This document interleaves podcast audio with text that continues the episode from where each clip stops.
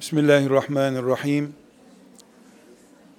Elhamdülillah ve salatu ve selamu ala Resulillah.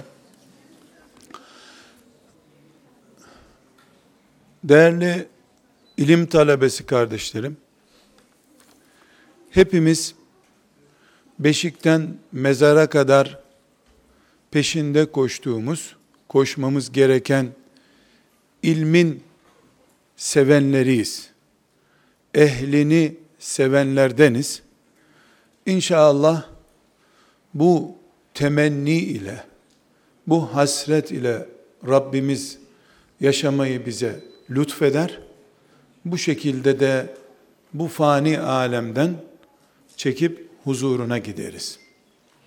Ben bu beraberliğimizin sizlerin ve kardeşiniz olarak benim Rabbimizin razı olacağı en güzel amellerden olan ilim tahsili amelinde kabul olunmuş bir amel olan toplantımız olmasını Rabbimden niyaz ediyorum. Değerli kardeşlerim, bugün ümmeti Muhammed'in çocukları olarak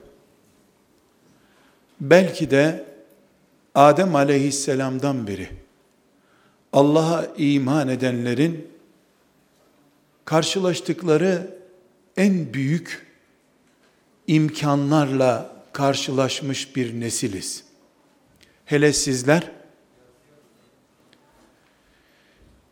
çok ciddi bir şekilde kıyamet günü saymakla bile bitiremeyeceğiniz kadar büyük nimetlerin sahibi bir nesil olarak dirileceksiniz. Bundan kaçamazsınız. Bu yaşadığınız topraklarda çok değil, 60-70 sene önce ders okumak için emanet bir kitap bile bulamayan, bu yüzden inşaatlarda işçi olmaya mahkum olmuş olan bir nesil vardı. Bir Arapça emsile kitabı bulamayan neslin devamında sizler aradığınızdan fazlasını gerekmeyecek kadarını hatta zarar verecek kadarını avucunuzun içinde sihirli bir kutu gibi cep telefonunda buluyorsunuz. Mollalık insan adıydı, Google'ın vasfı oldu artık. Molla Google'a soruyorsun, cevap veriyor. Bu kadar eğlenceli ve gereğinden fazlası bulunur hale gelmiş imkanlar inşallah göklerin ve yerin kapısının son defa açılmış olma işareti değildir. Allah'tan bunu temenni ederiz. Önceki ümmetlere de belki cep telefonu teknolojisi olarak değil ama nimetlerin kapıları açılmıştı da onlar bunun helakten önceki son uyarı olduğunu anlayamamışlardı. Biz ise ümmeti Muhammediz. Bizden sonrası yok insanlığın. Sizden sonrası da yok. Çünkü siz Allah'ın huzuruna kendi neslinizin hesabını vermek üzere çıkacaksınız. Dolayısıyla değerli kardeşlerim, ilim namına burada sizle konuşurken nefsim ve sizin nefisleriniz adına muhasebe anlamına gelecek şeyler konuşmak istiyorum. Siz gençler olarak lütfen ilahiyat fakültesi talebesi olmayı bir anlığına bırakın. Allah'ın yaşadığı zamanı ilimle ibadete çevirmek için imtihan ettiği mümin kulları olduğunuza bakarak lütfen beni bir saat dinleyin. Size sabah namazına kalkmanın önemini anlatan bir hadis dersini veya Suriye'de cihadın önemini anlatan bir konuşmayı dinler gibi lütfen dinlemeye çalışın. Çünkü siz yarın belki Kudüs'ü Yahudiye karşı muhafaza etmiş olmakla veya hıyanet etmiş olmakla Rabbinizin huzuruna dikilmeyeceksiniz. Ama bugün önünüze konan Arapça kitabı, önünüze konan usulü hadis kitabı, masanızda duran usulü fıkıh kitabı veyahut da imtihandan geçecek kadar çalıştığınız Nurul İzah, korkarım kıyamet günü Allahu Teala'nın Kudüs'ten önce, Mescid-i Aksa'dan önce sizi ve bizi imtihan edeceği dosyanın adıdır. Biz usulü fıkıh, usulü hadis diye bakmayalım isterseniz. Madem ilmin yolcusu olmakla şereflendik, biz buna Rabbimizin bizi murabıt olarak tuttuğu cephenin adı olarak görelim. Usulü fıkı, usulü hadisi. İnşallah muvaffak oluruz. Muvaffak olmanın yolları ve yöntemleri üzerinde sizinle burada hasbihal yapmak istiyorum. Önce hocamlardan e, istirham ediyorum. Bu sözleri abileri ve kardeşleri arasındaki bir muhabbet olarak, hasbihal olarak kabul etsin. E, burada e, onun da hocamların da bulunduğu bir mecliste belki ölçüleri biraz zorlayarak konuşmuş olabilirim. Önceden e, istirham ediyorum. Bizi böyle abi kardeş arkadaşlarla konuşuyor kabul etsin.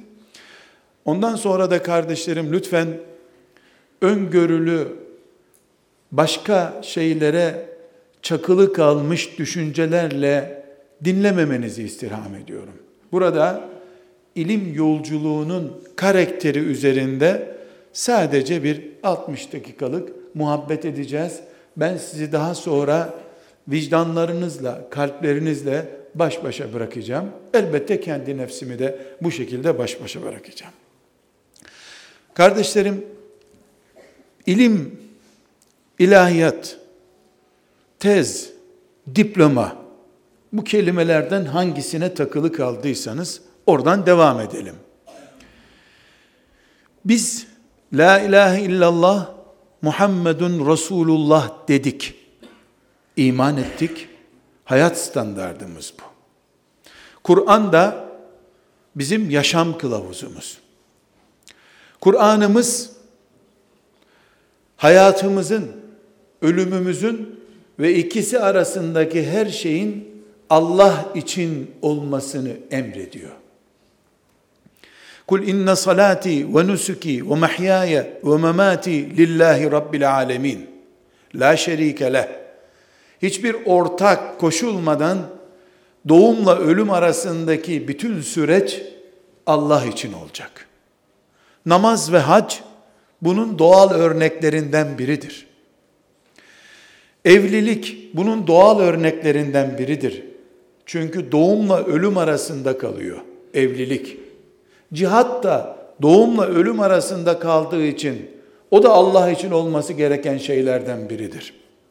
Biz mümin olarak 5 yıl veya 15 yıl kitapla, kalemle, defterle geçirdiğimiz zaman dilimini ya Bedir mücahitlerinin Resulullah sallallahu aleyhi ve sellemin sancağının altında geçirdikleri saatler gibi geçiririz ya da Bel'am bin Ba'ura'nın geçirdiği gibi geçiririz. Ortası münafıklıktır.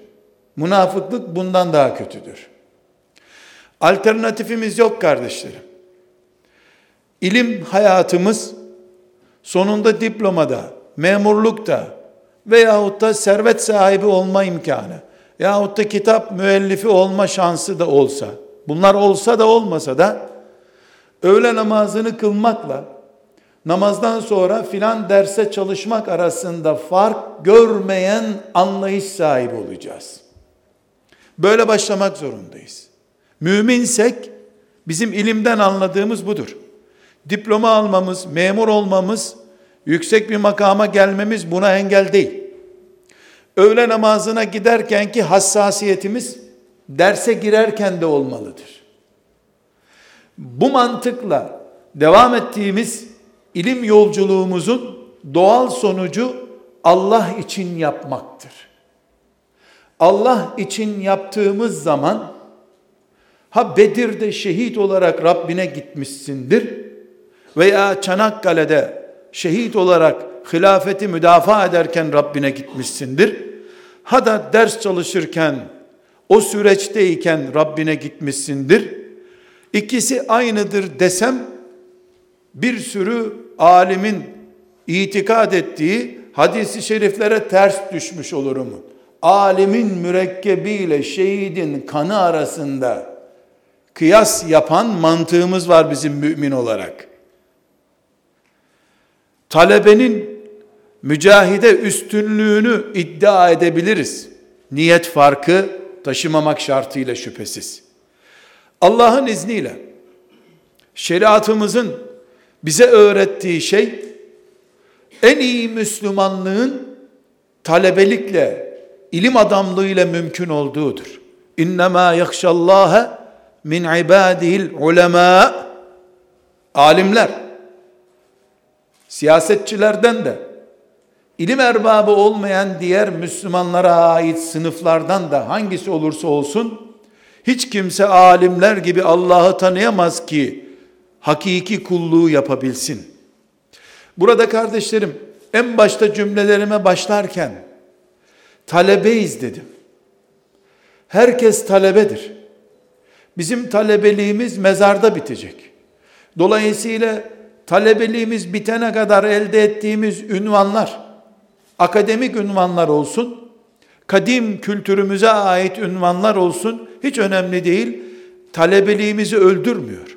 Biz talebelik yoluna girince, ucunda cennet olan bir maratona çıktığımızı anlamış oluruz. Ve Allah'ın izniyle men seleke tarikan yeltemisu fihi ilmen hadisini tefekkür ettiğimizde ilim maratonumuz devam ettiği sürece biiznillah cennet yolundayız.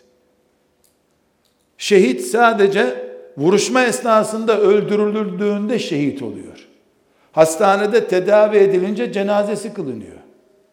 Çünkü orijinal şehit muamelesi görmüyor bu sefer. Ama talebe alim adayı ümmeti Muhammed'in Kur'an kültürüne vakıf olmak için medresede şurada burada hocasının önünde ders çalışan 70 yaşında da olsa o işte maaş alan biri de olsa ilim yolunda olmuş olmak Allah'ın izniyle sürekli Allah'a giden yolda olmak anlamına geliyor.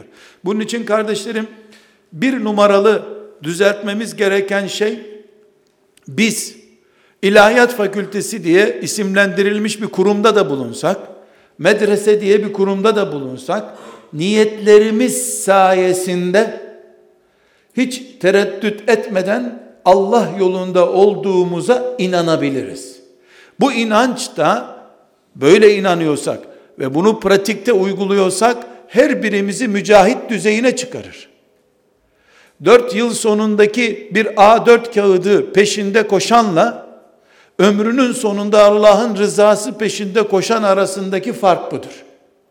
Sizlere tavsiyem geliniz tashihi niyet yapalım. Hep beraber. Şunu memurluk elde etme payesinden kaldıralım. Rabbimizin rızasını elde etmek için ders çalışalım. Usulü hadis okurken Resulullah sallallahu aleyhi ve sellemin bu asırdaki hoparlörü olmak istiyorum. Bu asırda onun sesi olmak istiyorum diye gayret edelim. O noktaya gelip gelmediğimize Allah karar versin. Hacca giden de Hacerül Esved'i öptüğündeki niyetleri gerçekleşip gerçekleşmediğini bilmiyor. Peygamber aleyhisselam efendimizin kabri şerifinde ona selam veren aleyküm selam hoş geldin sesini duyuyor mu? Ama o heyecanla ömrünün sonuna kadar kıyamet günü de ikinci defa buluşacağız peygamberimizle diye mutlu oluyor. Hakikat da böyledir. İlim yolunda da biz tasihi niyet yaparsak, gerçekten orijinal bir niyetle bu şekilde yola çıkarsak biz kesinlikle Rabbimizin rızasını kazanacağımız bir sürece girdik demektir. Bunu basite alırsak şeytana ilk tavizi vermiş oluruz. Tekrar vurguluyorum. Bu ilmin, bu ilim maratonunun sonunda benim maaş sahibi olmam, makam sahibi olmam asla engel değil. Ashab-ı Suffa'da 3 ay 5 ay eğitim görüp ilk diplomayı alanları da Resulullah sallallahu aleyhi ve sellem vali olarak tayin etti. Peygamberin tayin ettiği aleyhisselam bir vali olmakla o mücadeleleri, ilim gayretleri sıfırlanmadı ki. işe yaramış oldu. İkinci sevap kapısı kendisine açmış, açılmış oldu. Bu sebeple bir numaralı itikad etmemiz gereken şey kardeşlerim. İlim talebeleri olarak bir kere Allah sizi seçmiş Kur'an'ıyla siz yerinizde oturun, burada ders çalışın, cihada bile gitmeyin, canınızı veren vermeniz bile gerekmiyor.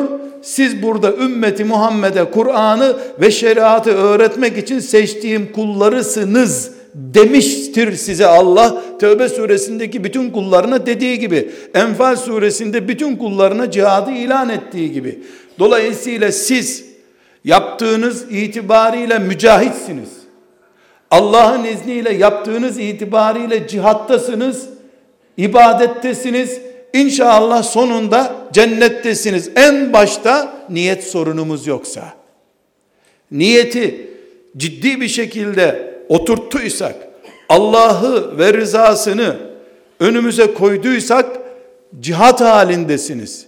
ibadet halindesiniz. Resulullah sallallahu aleyhi ve sellemin razı olduğu pozisyondasınız.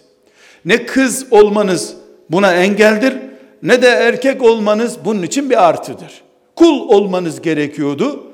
Allah'ın kullarısınız. Allah'ın kullarıyız. Allah bize dinini yaşamayı emretmiştir. Her birimize bir cephe tayin etmiştir. Birimizi siyasetle meşgul etmiştir Allah. Öbürümüzü ticaretle meşgul etmiştir. Sizi de Allah Kur'an'ını ve şeriatını Peygamber aleyhisselamın sünnetini yaşatacağı, sakladığı tohumlar olarak seçmiştir Allah sizi. İbn Mace'deki hadisi şerifte ne buyurur Efendimiz? Allah'ın her zaman için sakladığı fidanları vardır. Onları diker dininde, dinine hizmette kullanır diyor. Elhamdülillah Rabbimiz bizi usulü fıkıh okurken, usulü hadis okurken, tefsir okurken inşallah bu asrın din fidanları olarak seçmiştir diye heyecan taşıyoruz. Allah'ın bu seçip kullanmasına karşı biz de niyet seçimini becerebilirsek bu ne demektir? Kapımız Allah'ın kapısı demektir. Biz hayatımızın tamamını Allah'a adamakla mükelleftik ilimle bunu gerçekleştireceğiz demektir. Burada kardeşlerim küçük bir dipnot olarak bir meseleyi de temas edip ondan sonra ikinci bir başlığa geçeceğim. Kesinlikle şu bulunduğumuz ilim niyeti ve o niyetin oluşturduğu ortam cihattır, ibadettir diyorum iman ederek. İnanarak değil, iman ederek söylüyorum. Çünkü Rabbimin ayetlerini okuyorum. Peygamberimin hadislerini okuyorum. inanıyorum demiyorum. iman ediyorum böyle olduğuna. Cihat kadar değerli, ibadetin ta kendisi olan bir iş yaptığıma inanıyorum. Yaptığınıza inanıyorum. iman ediyorum. Müslümanlığım bunu gerektiriyor. Dolayısıyla bu kadar yüksekte gördüğüm bir şeyin riskli bir bölümü de vardır. Bir nesneyi ne kadar yukarı kaldırırsanız düşme ve düşünce de parçalanma oranı da o kadar yükselir. Siz sıradan diploma alacak, sonra öğretmen olacak, geçinecek, emekli olacak, Allah selamet versin iyi adam da olacak. Tarzında yaşasaydınız sorun yoktu. Gördüğünüz gibi ben sizi kaldırdım, Bedir düzeyine çıkardım. Allah'ın seçtiği fidanlar olup bu asırda Allah'ın sakladığı fidanlar olma düzeyine çıkardım. Ben sizi bir katlı bir apartmandan minarenin şerefesi düzeyine çıkarıyorum. Ben çıkarıyorum derken iman ettiğim şeriatım böyle çıkarıyor. Bu ne demek biliyor musunuz? birinci katın balkonundan düşmekle minarenin şerefi, şerefesinden düşmek arasındaki fark bu. Bunun için kardeşlerim, herhangi sıradan bir insan, esnaflıkla Allah'ın imtihan ettiği bir insan, faizden kurtulsa, hırsızlıktan kurtulsa, alkol satmasa, domuz mamülü satmasa, tertemiz Müslüman, emin bir tacirse girdi cennete gitti. Şehitlerle, sıddıklarla beraber cennete girer. Müsaade edin, siz şerefe düzeyinde yüksek bir yerden, Bedirlilere denk tutulduğunuz bir yerden, faizden kaçarak, domuz eti yemeyerek, alkol kullanmayarak kurtulamazsınız Allah'ın azabından. Siz bunlara faiz yedirtmeyerek, alkolle savaşarak, domuz ürünlerini imha ederek, ümmeti Muhammed için vakit feda ederek ancak Allah'ın azabından kurtulabilirsiniz. Allah sizi bu zamanın fidanları olarak sakladıysa sırf kendinize, dibinize meyve verin diye değil, insanlığı meyvelendirin diye Allah sizi saklıyordur. Onun için herhangi bir tanemiz kardeşlerim sıradan Müslüman olmayı kabul edemeyiz. Etsek de onu bir yere koyamayız. Onun için filanca Müslüman hacca giderken Trabzon havaalanından ee biz hacca gidiyoruz diye riya yapması, kibirlenmesi elbette suç. Kibir ve riya denen suça dahil. Elbette kıyamet günü hesabı sorulacak ama Kale Resulullah Allahu Teala öğrenmiş nesil olarak sizler ne Trabzon havaalanında ne de Trabzon'un bir köyünde riya yapamazsınız. Kibirlenemezsiniz. Eğer siz böyle bir hata yaparsanız Allah'ın seçtiği fidanları olarak cehennemin tutuşturulduğu ilk üç adamdan biri olursunuz. Siz ağır bir risk taşıyorsunuz. Çünkü siz Kur'an'ın umudusunuz. Siz Resulullah sallallahu aleyhi ve sellemin bugünlerde görmek istediği kardeşlerisiniz. Sizde Allah'ın şeriatı umut besliyor. Sizin Allah'ın dışında, peygamberinin ve şeriatının dışında beklentilerinizin olması ümmet adına pahalı bir faturadır. Sıradan bir hacı amcanın haccını kaybetmesi Müslümanların seneye tekrarı olacak bir şeydir. Filanca bakkalın yanlış bir şey satması tövbeyle kapanacak bir şeydir. Ama bu Anadolu topraklarının bir kasabasında Müslümanların umudu olan bir delikanlının 20 sene şeriatı öğrenmek, İslam ahlakını ve İslam dinini öğretmek için mücadele verdikten sonra kör bir bataklıkta boğulur giderse, çok basit bir konuda helak olur giderse, bu sadece onun kaybı değildir. Onu bekleyen bu toprakların onun üzerinde yatırımı olan ümmetin belki onun gibi bir gencin daha yeniden yetişmesi için bir 20 sene daha kaybetmesi demektir.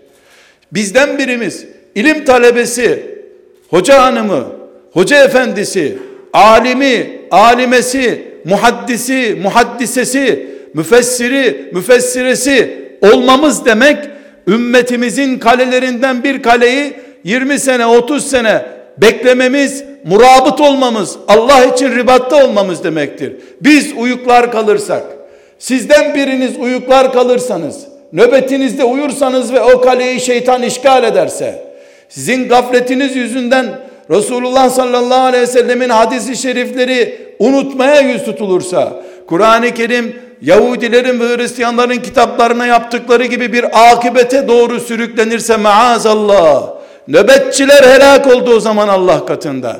Kim bu ümmetin nöbetçileri? Ulul elbab. Kim ulul elbab?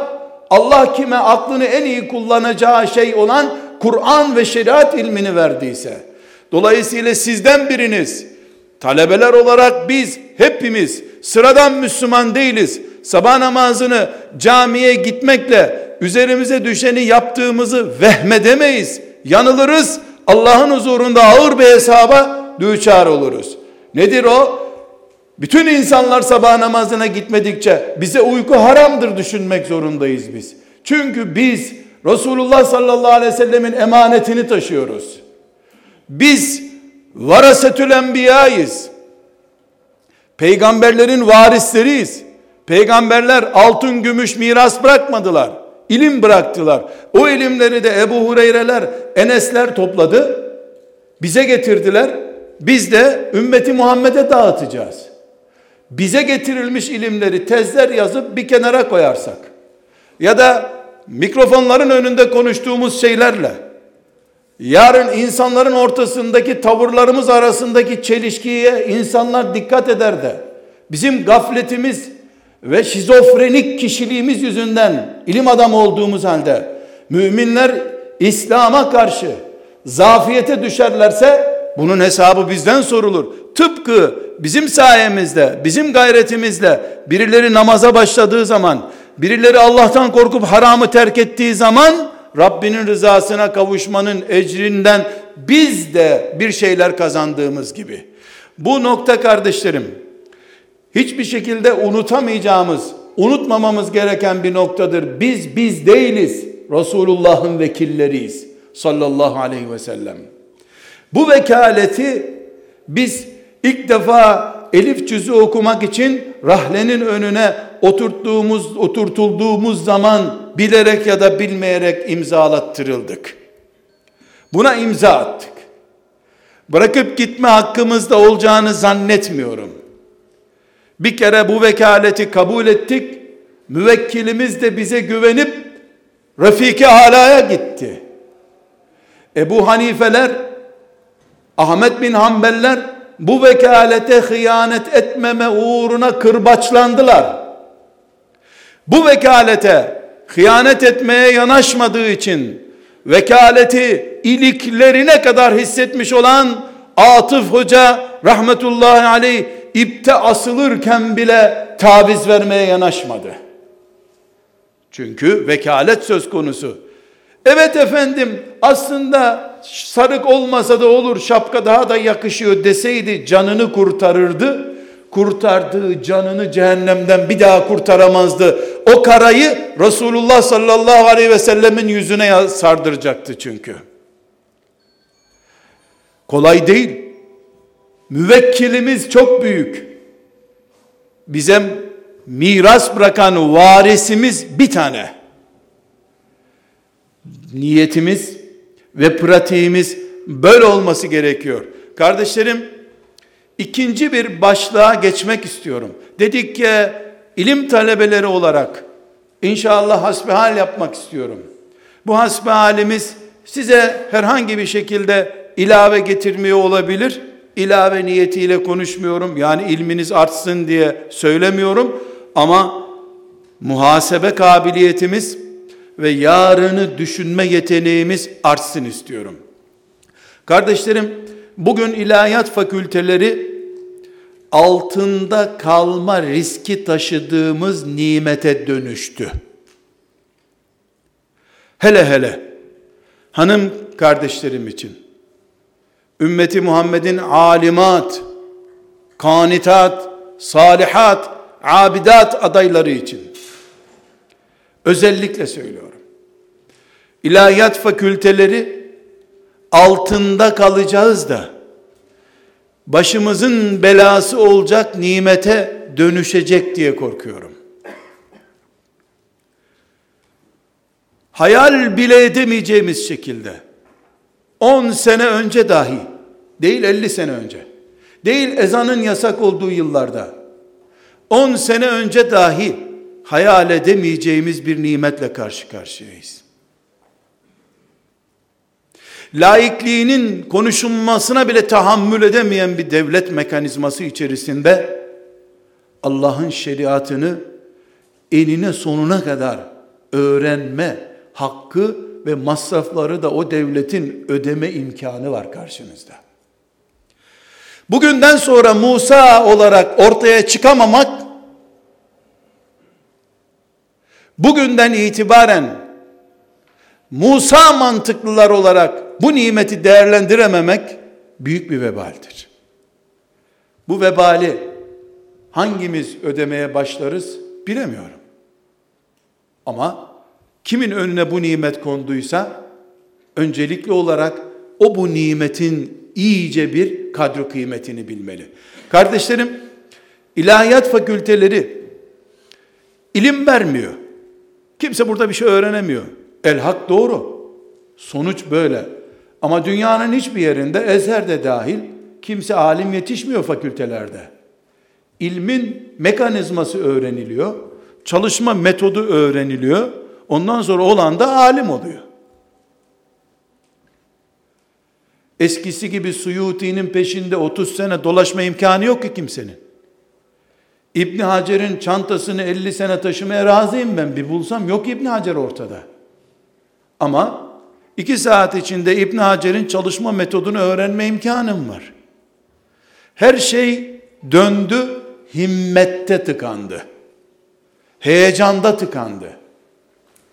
Bugün Allah'ın izniyle mümin gençler olarak önceki çağlarda adı şanı duyulmamış fırsatlarla karşı karşıyasınız. Fakülteleri, sistemleri kınayarak özür beyan edemezsiniz. Himmet ve heyecanla Allah'ın izniyle bu açığı kapatabilirsiniz. Dolayısıyla kardeşlerim, bir konuyu nasıl niyeti düzelttik dedik, bir konuyu daha düzeltelim. Bizim idrakimizde ilim pazarlama konusu değildir. Olmamalıdır. Gıdalanma konusudur. Yani ben bir dükkan açacağım. Onun için de belediyeden ruhsat almam gerekiyor. Ondan sonra da birisinin ürettiği malları getirip satacağım. Buna pazarlamacılık diyorum ben. Sen dükkan açacaksın, öğretmen diyeceğim sana ben, müftü diyeceğim, akademisyen diyeceğim. Sana bir ruhsat lazım. Belediye ruhsatı gibi işte diploma, ilahiyat diploması. Onu da ruhsat diyelim. Sen oradan başkalarına din öğreteceksin. Bu oryantalist kafasıdır. İlim amel içindir. Benim gıdamı sağlaması içindir. Biz ilmi pazarlayacağımız bir meta olarak değil, Rabbimize götüreceğimiz amellerimizin ham maddesi olarak kabul etmek zorundayız. Dolayısıyla not için kitap okuyamayız biz. Sınıfı geçip geçmediğime değil, ne anlayıp ne anlamadığıma bakarım. Bana ne kattığına ne katmadığına bakarım. İlme bu zaviyeden bakmaya çalışacağız. Böyle olursa Vettekullaha ve yuallimukumullah olur. Az öğrenirsin, çok istifade edersin. Çünkü neden? Sen çiftçi mantığıyla çalışıyorsun. Bir avuç buğdaydan bir tarla, bir tır dolusu buğday üretiyorsun. Öbürü tüccar kafalı çalışıyor. Dükkana mallarını yığıyor, yüzde beş kar koyup satıyor. İlahiyat fakültelerinin verdiği diplomaları veya medreselerin verdiği icazetleri insanlara satacağımız malların ticari ruhsatı olarak kullanamayız kardeşlerim. Allah'tan kopmuş, bereketini kaybetmiş ilmimiz olur. Müfessir de olsak o gün, muhaddis ünvanı da alsak, ne suyuti olursun, ne de senin elinden bir suyuti yetişir. Suyuti'nin fotokopisi olarak iş görürsün. Orijinal olmadığın için de etkin olmaz. Koca koca ünvanların altında cılız sözlerin sahibi olarak yaşarsın. Bugün niyetlerden sonra düşeci, düşünmemiz gereken ve düzeltmemiz gereken ikinci noktayı söyledim kardeşlerim. Biz ilim tüccarları değiliz. Ne kitap ne de ilim pazarlamıyoruz. Biz ilmin tüketicileriyiz. Üretip tüketicileriyiz. Kendimiz için üretiyoruz. Her öğrendiğimiz şey bizim için yeni bir dünyadır.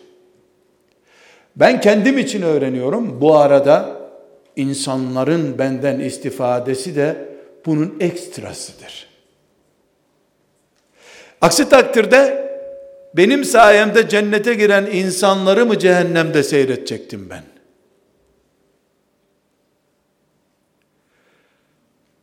Bu gülünç duruma düştüğü için hahamlar ellerindeki Tevrat'ı kaybettiler. Yapmayacakları şeyleri başkalarına söyledikleri için Allah'ın huzurunda mahcup oldular. Biz ümmeti Muhammediz. İlim de bizim için hayatla ölüm arasındaki süreçte kalıyor ve ibadet niteliği taşıyor. Kardeşlerim üçüncü bir mesele bu hususta umuyorum mutedil anlattığım konuyu mutedil bir zihinle herhangi bir tarafa çekmeden anlarsınız.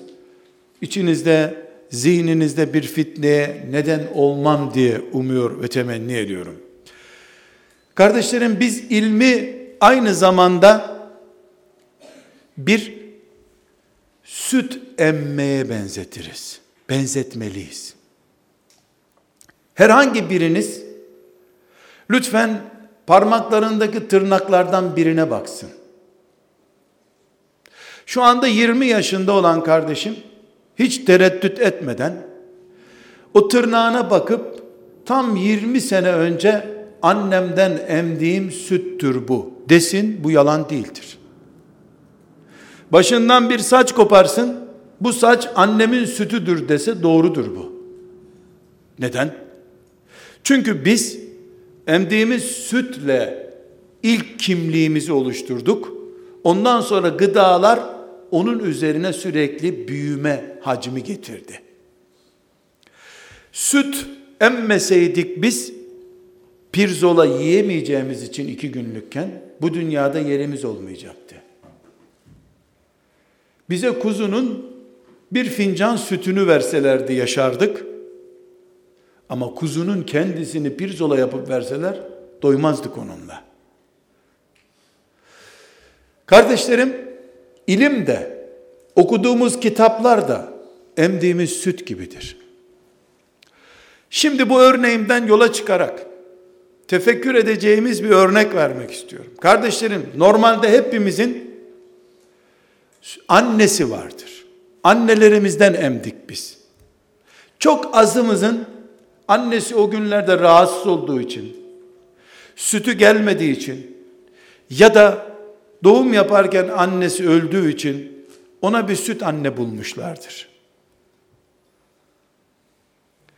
O süt anneden annesi iyileşene kadar filan birkaç gün süt emmiştir. Hepiniz biliyorsunuz ki şeriatımız bu insana iki anneli olarak bakıyor. O süt emdiği annesini de annesi olarak görüyor. Normalde her çocuk annesinden emdiği sütle büyünmelidir. Yabancının sütünü emmemelidir. Çünkü yabancının sütünü emdin mi onun evladı olursun. Mahremiyet sorunları araya girer. Evlilik yasakları gelir. Süt emdin çünkü. Değerli kardeşlerim, Müslüman nesil olarak keşke biz sizi veya bizi yetiştirenler keşke müfessirler, muhaddisler, fukaha ve mütekellimin gibi bizim analarımızdan başkasına emzirmeselerdi bizi. Çok iyi olurdu. Kendi annelerimiz bizi büyütseydi. Ne yazık ki bir dönem analarımız hasta olduğu için ya da iplerde sallandıkları için bir dönem işte doğum yaparken anamız öldürdüğü için öldürüldüğü için bize yabancı annelerden süt emzirdiler. Genlerimizde baktık ki orijinal beni doğuran annemin kaşlarım, gözlerim ona benziyor. Fakat başka kadından da süt emdiğim için tırnak şekillerim ona benzemiş. Süt annemden de yansımalar var. Ya pehlivan gibi adamın çocuğu minderde ayakta duramıyor. Tamam pehlivan gibi adamın sulbundan gelmiş ama Süt emdiği kadın hastalıklı. Veremli kadınmış meğer ki. Süt anne sorun. Kardeşlerim, hani birileri Allah ve kâle Resulullah dendiği zaman ama şimdi bu zamanda nasıl anlatacaksın sen bu konuyu canım? Derken süt sorunu yaşıyor. O süt sorunudur. Çok zamansız bir yerde uygun olmayan bir süt emmiş. İsa Allah'ın oğludur diyen bir papazdan, Uzeyr Allah'ın oğludur diyen bir hahamdan din felsefesi okumuş. Filanca laikliği içimizde yaşatıyor var olsun. Yoksa biz tarikatlara kurban gitmiştik şimdi diyen. Dolayısıyla İslam'ın biçilmesini gerekli bir hareket olarak kabul eden birisinin sütünü emmiş senelerce. Bakınız hastalıklı hepatit C mikrobu taşıyan kadının sütünü emen 30 sene sonra da olsa o sütün sonucu olarak hepatit C hastalığına yakalanır. Bizden önceki nesilde bu sorun oldu. Çünkü İskilipli rahmetullahi aleyh ipe götürülürken aslında medreseler ipe götürülmüştü. Aslında kâle Resulullah demek suç haline getirilmişti o gün. Sekülerizmin asıl temeli İskilipli ipe giderken atıldı. Ondan sonra bir daha sarığı müdafaa ettiği için ipe giderse bir adam şeriatı müdafaa eden ne hale gelir bunu çok iyi anlattılar insanlara ve alimlere. Bu sefer başka başka sütlerden bebekler beslendi ve bugün Resulullah sallallahu aleyhi ve sellemi neredeyse ortaokuldaki arkadaşı gibi tartışacak insanların ilim adamı kisvesiyle bizim karşımıza çıkması. Bu ayet var Kur'an'da ama yani peygamber biraz daha yaşasa kaldırırdı. Neskederdi bu ayeti herhalde. Diyen veya demeye getiren ümmeti Muhammed'in 14 asırlık birikimini bir çöp kutusuna atar gibi ağaç talaşını sobaya atar gibi atmakta beis görmeyen böylece 1400 senelik Kur'an hizmetlerini gereksiz, lüzumsuz gören anlayış süt sorunu yaşayan anlayıştır. Süt emzirmeye tekrar döneceğim. Ama bu sorunu iyi anlamanızı istiyorum kardeşlerim. Bakınız çelişkiye bakınız. Bir insan der mi ki yahu Allah bu kitabı Kur'an'ı niye indirdi? Biz amel edelim diye. Ne ikide bir hadisleri karşımıza getiriyorsunuz? Kur'an yetiyor görmüyor musunuz? Diyor. iki saat bunu anlatmaya çalışıyor. Ama iki tane ayet okumuyor bu arada. E bir adam hani Kur'an bu insanlara yeterdi. Çık mikrofona. İnne hazel Kur'ane yehdi lilleti akvam de. in aşağı madem yetiyor Kur'an. Zati cenaplarınız konuşmayınca yetmiyor demek ki. Kur'an madem yetiyordu. E okuyun. Oku iki satır in aşağı Fatiha suresini oku yetiversin insanlara. E yok sizlerin iki saat açıklamanız lazım.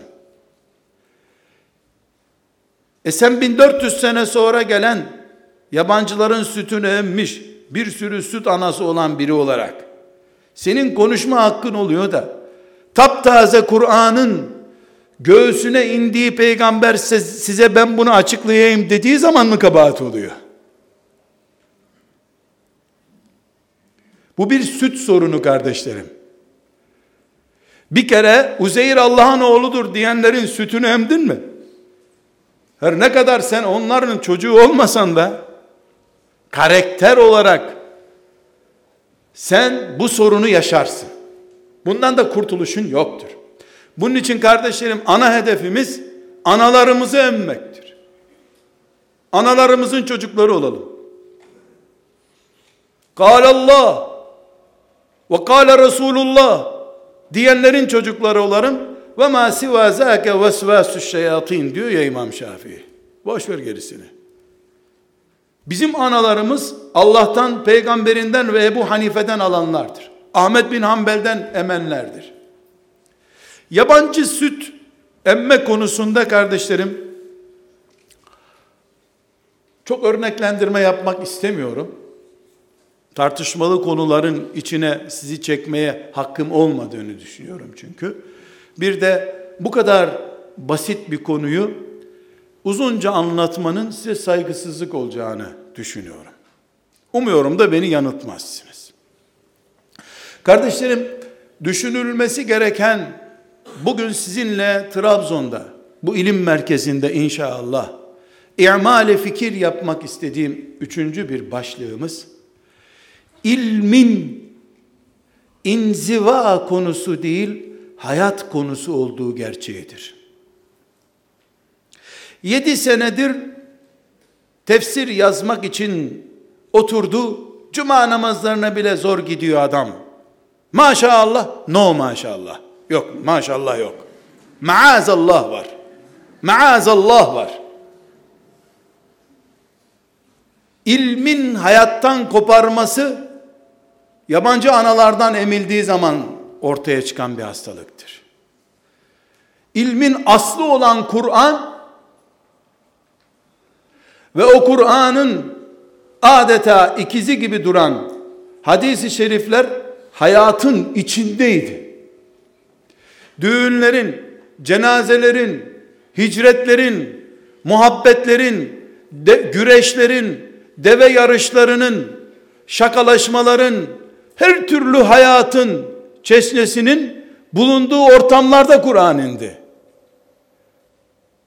Böyle bir Kur'an'ı dağa çekilerek, odaya kapanarak, internet abiden başka bir arkadaş edinmeyerek öğreneceğini ve alim olacağını zanneden orijinal değildir. Onun yöntemi yanlıştır.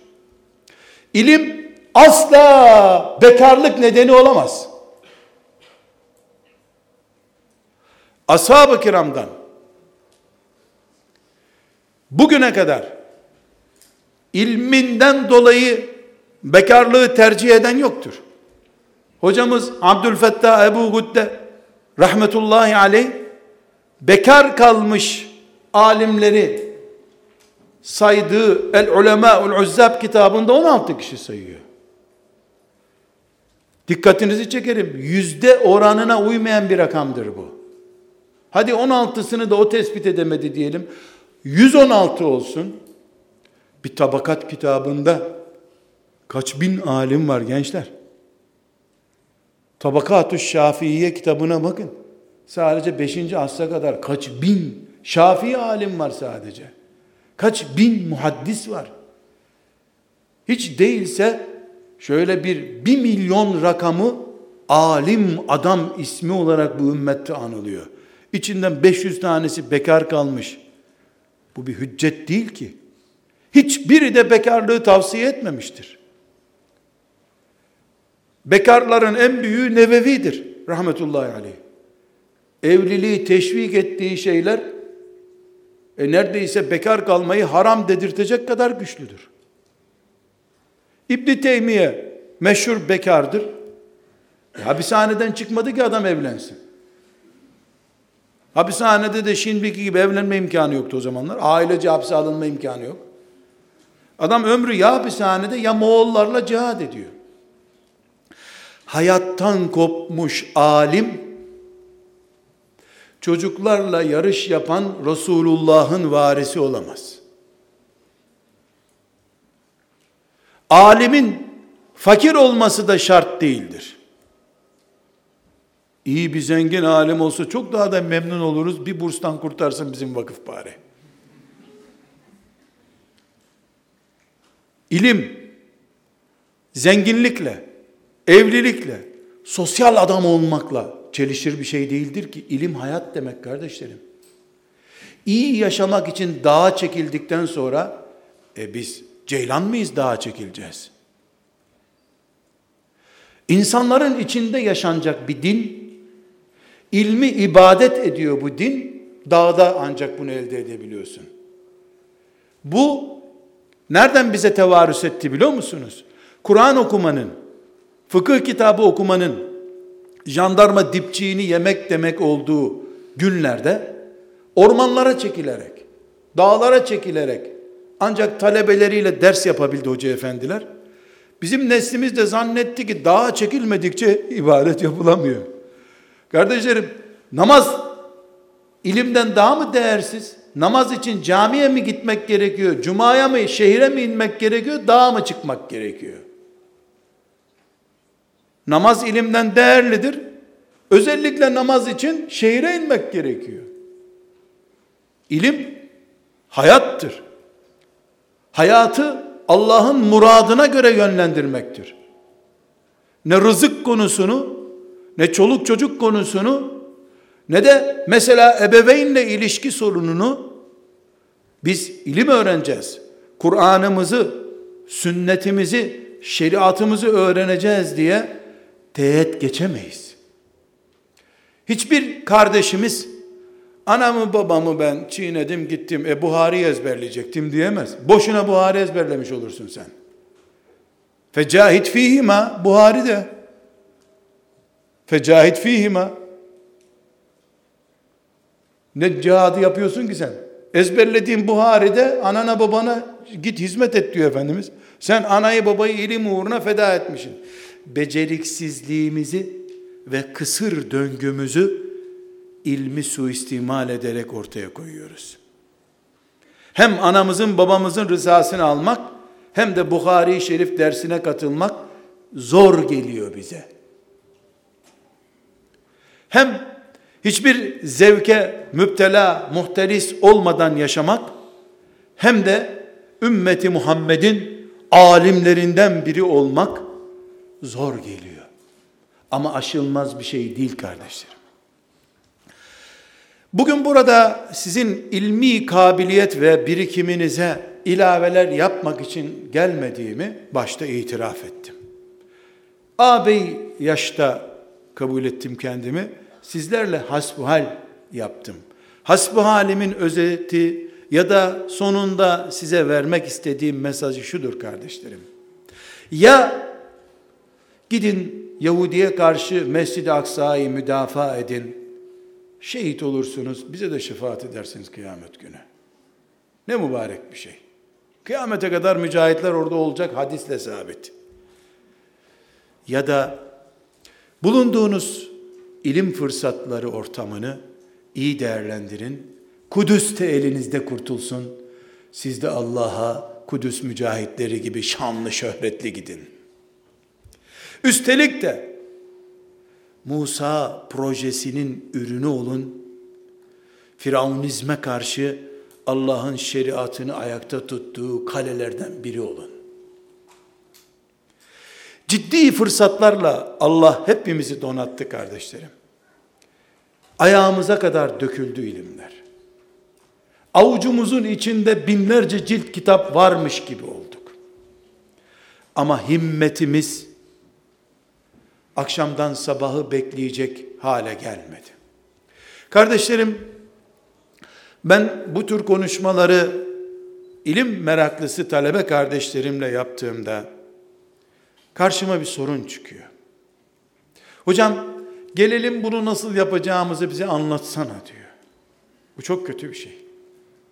Bu senin psikolojik destek alman gerektiğini gösteriyor. Bu da hiç iyi bir şey değil muhaddislerin, müfessirlerin psikiyatrik sorun yaşıyor olması iyi bir şey değil. Kardeşlerim, ilim hayattır dedik. Hayat nasıl yaşanıyorsa alimde öyle olunur. Ama ben bu salondan bana gelecek yüzlerce soru ihtimalinin önünü tıkatmak için minit bir tavsiye paketi açabilirim sizin için. Kardeşlerim bizden önceki alimler, Allah dostları, ilmi şehadete kadar götürmüşler. Çok büyük projelerin ürünü değildir. Ben şöyle özellikle Müslümanların tarihinde bu çocuğun doğumundan şu gününe kadar yetiştireceğim denen bir kişi biliyorum. O da Selahaddin Eyyubi'dir. Nurettin Zengi rahmetullahi aleyhima cemiyan bu çocuğu özellikle Kudüs için yetiştiriyorum Allah'ım diye adak yapmış. Uzaktan bir akrabası o. Nurettin Zengi bir Selçuklu emiri biliyorsunuz. Selahattin Eyyubi'nin yetim olmasından istifade edip onu şöyle güzel yetiştireceğim demiş. Projesi de tutmuş. Allah ikisine de rahmet etsin. Onun dışında ne Suyuti'yi, ne İbni Hacer'i, ne Nevevi'yi kimse yetiştirmemiş arkadaşlar. Himmetleri ve heyecanlarıyla çıkmışlar çıktıkları yerde. Hatta İbni Hacer'in hayatını okuyun. Yani yaramaz bir çocukmuş. Mahalle rahat etsin diye mektebe göndermişler. Açın bakın tarihine. Allah razı olsun onu kim mektebe götürdüyse. Ama 12 yaşında da harem-i şerifte teravih kıldırmış hatimle. Baya yaramazmış demek. Çok yaramazmış. Hiç kimse benim şansım geçti. O zamanında daha Efendimiz ne buyuruyor? Uygun tohumlar, tohumluklar seçin, analarını iyi seçin diyor. Kardeşim o mümin projesi. Alim projesi başka bir şey. O zaman Ebu Hureyre 27 yaşında Müslüman oldu. Nasıl ümmeti Muhammed'in en büyük muhaddisi oldu? Daha önce alkolü su gibi tüketen adamlar Resulullah'ın alimleri oldular aleyhissalatü vesselam. Bu yaş baş değil, himmet ve heyecan meselesidir.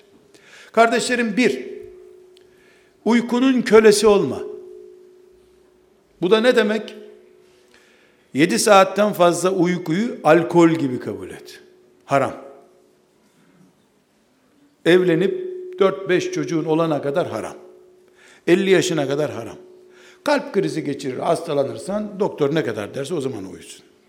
Yol yürüyebildiğin sürece azami 7 saat, 5'in altına da düşme. Performansı düşük bir zekan olur. Şöyle 5,5-6 saat. B, bu birinci maddenin B maddesi. Aynı saatte uyu, aynı saatte kalk. Mesela hep 11'de yat, 5'te kalk. Kaç saat uyuyacaksan. Büyük deprem olursa 7 üstünde ise deprem değiştir takvimini. 6, altı buçuk gibi depremler için takvimini bozma. Gülüyor kardeşlerim bana ama inşallah gülünç olmamanın şartının da bu olduğunu anlıyorlardır. Onun için gülüyorlardır. C. Hiçbir şekilde akşam yemeği yeme. Çünkü beyin mide ile 3 saat 4 saat meşgulken sana ilim depolayamaz. Akşam boşuna çalışma. Allahümme barik li ümmeti fi bukuriha. Bu ümmetin bereketli saati sabah saatidir. Tavuklar bile akşam namazı olunca faydos edip kümese çekiliyorlar. Kümese gidemeyen ezan okunduktan sonra o neredeyse pinekleyip orada kalıyor. Kümese bile gidemiyor hayvancağız. Kardeşlerim, uykumuzla şakamız olmamalı. Çünkü içinizde umuyorum hafızlar vardır. Kur'an'ın ilk inen ayetlerini hatırlıyorsunuzdur. Ey yorganına bürünmüş peygamber diye başlayan ayetlerde kalk, kalk. Namaz kıldan önce kalk emri var Kur'an'da. Henüz namaz farz değil üstelik. Gecenin yarısında, üçte birinde, üçte ikisinde, üçte birinden fazlalarında gece içinde kalkma kabiliyetini bir görelim senin. Bir sene sonra inen ayet hangisi? İnne rabbeke ya'lemu enneke tekumu edna min sülüseyil leyli ve nisfehu ve sülüsehu ve taifetun minellezine ma'ak. Ve taifetun minellezine ma'ak. Allah gördü ki siz gece uykusunu kontrol edebiliyorsunuz. Kalkabiliyorsunuz. Fakra'u minel Kur'an. Buyurun şimdi Kur'an okuyabilirsiniz. İlk stajı ashab-ı kiramın gece uykusudur. Akşam patlamayacaksın o kadar cips mi ne yemişsin? Petrolden mi yapılmış, plastikten mi yapılmış diye yedin. Gazlı içecekleri içtin. Sonra da annenin yaptığı yemekleri de yedin. E sen 20 kilometre koşsan miden senin hazmetmeyecek zaten. Beyin mide infilakinden önce son gayretlerini yapıyor. Sen yorgun, bitkin kalkmak zorundasın. Alim adam ilerideki ilim zevki ve heyecanı uğruna yemek şehvetini dizginleyebilen insandır. Bu onun uykusunu da dizginleyeceğini gösterir. Ve D maddesi temiz havalı bir yerde uyuyun arkadaşlar. Baş ağrısıyla kalkarsınız. Dolayısıyla sabah derslerindeki hocalar hep uyuz hoca olur. Hiç senin kulaklarında bir uyuzluk yok. Kaşıntı yok. Hep hocalar, sabah hocalar hep uyuz ne hikmetse. Ama o hoca az geç ol, gelse de sen derste uyuklasan mübarek hoca olur tabii o zaman. Bunlar biraz espri yaparak hani vaktim uzadığı için sizin yorgunluğunuza fazla sebep olmadan anlatmaya çalıştığım birinci madde uyku maddesi. İki, kardeşlerim ala kadri ehlil azmi te'til azaimu ve te'ti ala kadril kiramil mekarimu ve ta'zumu fi aynis sagiri sigaruha ve tasguru fi aynil azimil azaimu herkes hayallerine göre projeler kurar, işler yapar. Küçük adamlar küçük işlerini büyütüp dururlar. Büyük adamlar da büyük iş bile yapsalar onu küçük görürler hep. Allah iman nasip ettiyse mağfiret etsin onu mütenebbinin veciz sözlerinden bu. Dolayısıyla ilimden ne beklediğinizi bir kenara yazın. İki gün sonra onu bir okuyun. İmam Şafii'nin beklentilerine de ölçün. Bir gün sonra bir daha yazın ne beklediğinizi. Diploma bekliyor olabilirsiniz. Müdürlük bekliyor olabilirsiniz. Milli eğitimde görev bekliyor olabilirsiniz. Diyanet zaten sizi bekliyor. Siz onu beklemeseniz de olabilir. Bir de Allah'ı bekliyor olabilirsiniz. Ebu Hanife'yi ideal görebilirsiniz.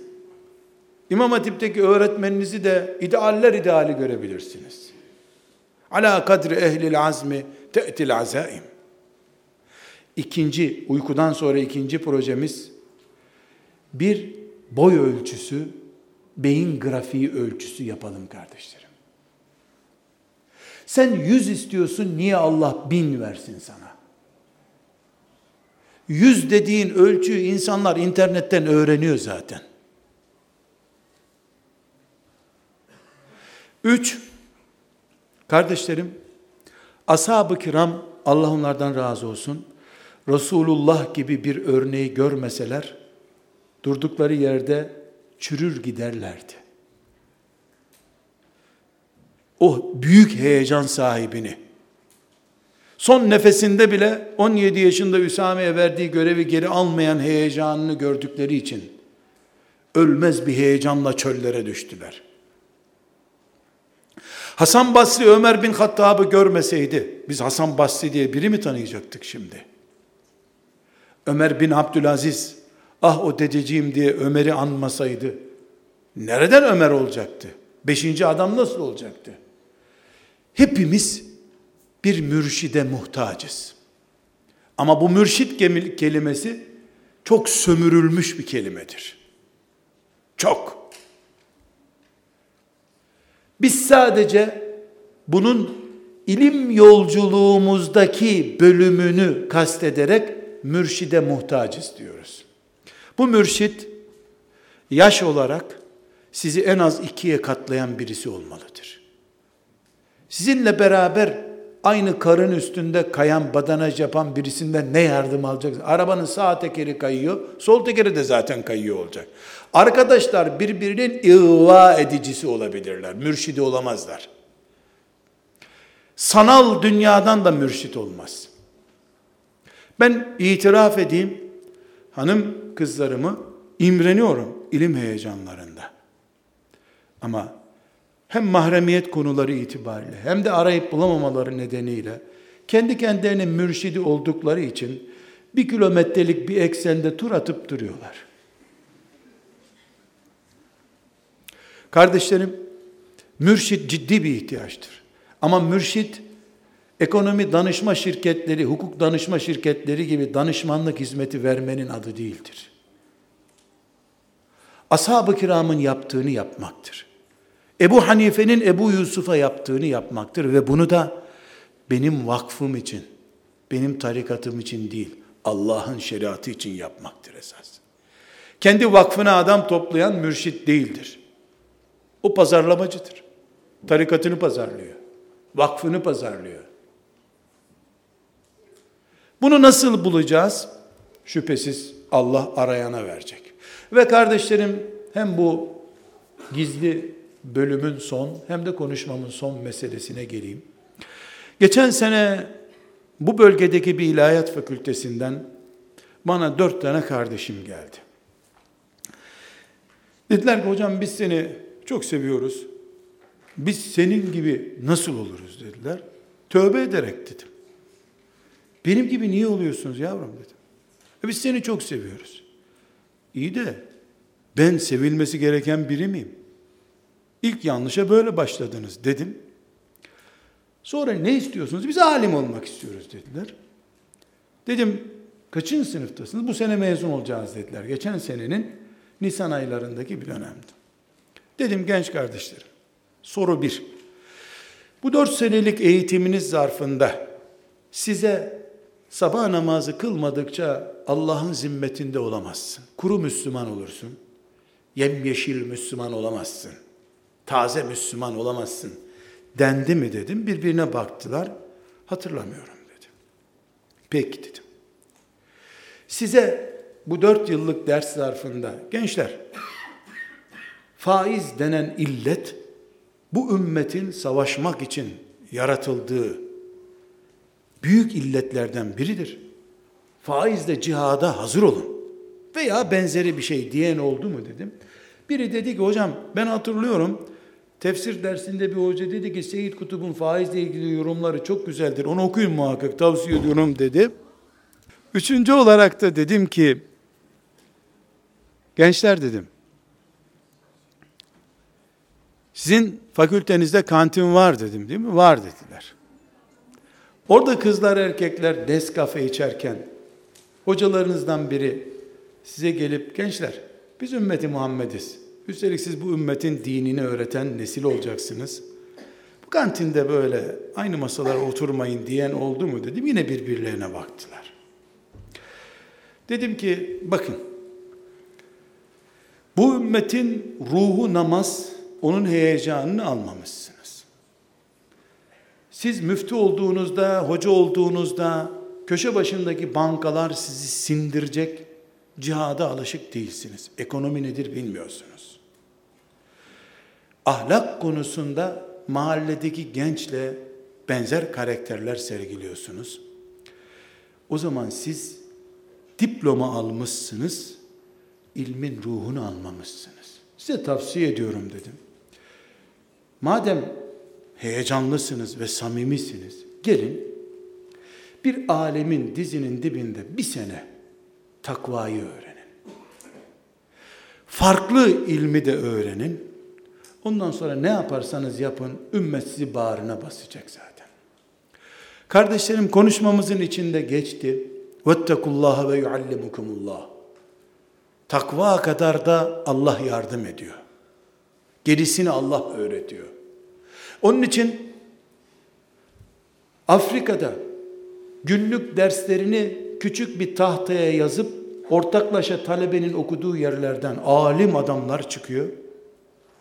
İnternet üzerinden, slide üzerinden ders yapıyoruz. İmtihan verip sınıf geçemiyoruz. Bunun adına bereketsizlik diyoruz. Bu bereketsizliği giderecek şeylere de dikkat edelim. Allah'ın izniyle ilim sizlerin de hakkıdır. Sizin İbn Hacer olmanıza bir engel yok. Lütfen de İbn Hacer'i kendinize nihai gaye ol, hedef olarak göstermeyin. Allah'ın izniyle İbn Hacer'in de üstüne çıkın. Ebu Hanife ile boy ölçüşün. Ebu Hanife var zaten. Ebu Hanife'nin serveti ortada. Daha yukarılara çıkmaya çalışın. Siz büyük düşünün. Allah ne kadar verirse onun şükrünü yaparsınız. Sizlere teşekkürler ediyorum. Allah sizi de bizi de razı olacağı ve cihat olarak değerlendireceğimiz amelleri yaptığımız ilimlere kavuştursun. Allah'a emanet olun. Selamun Aleyküm.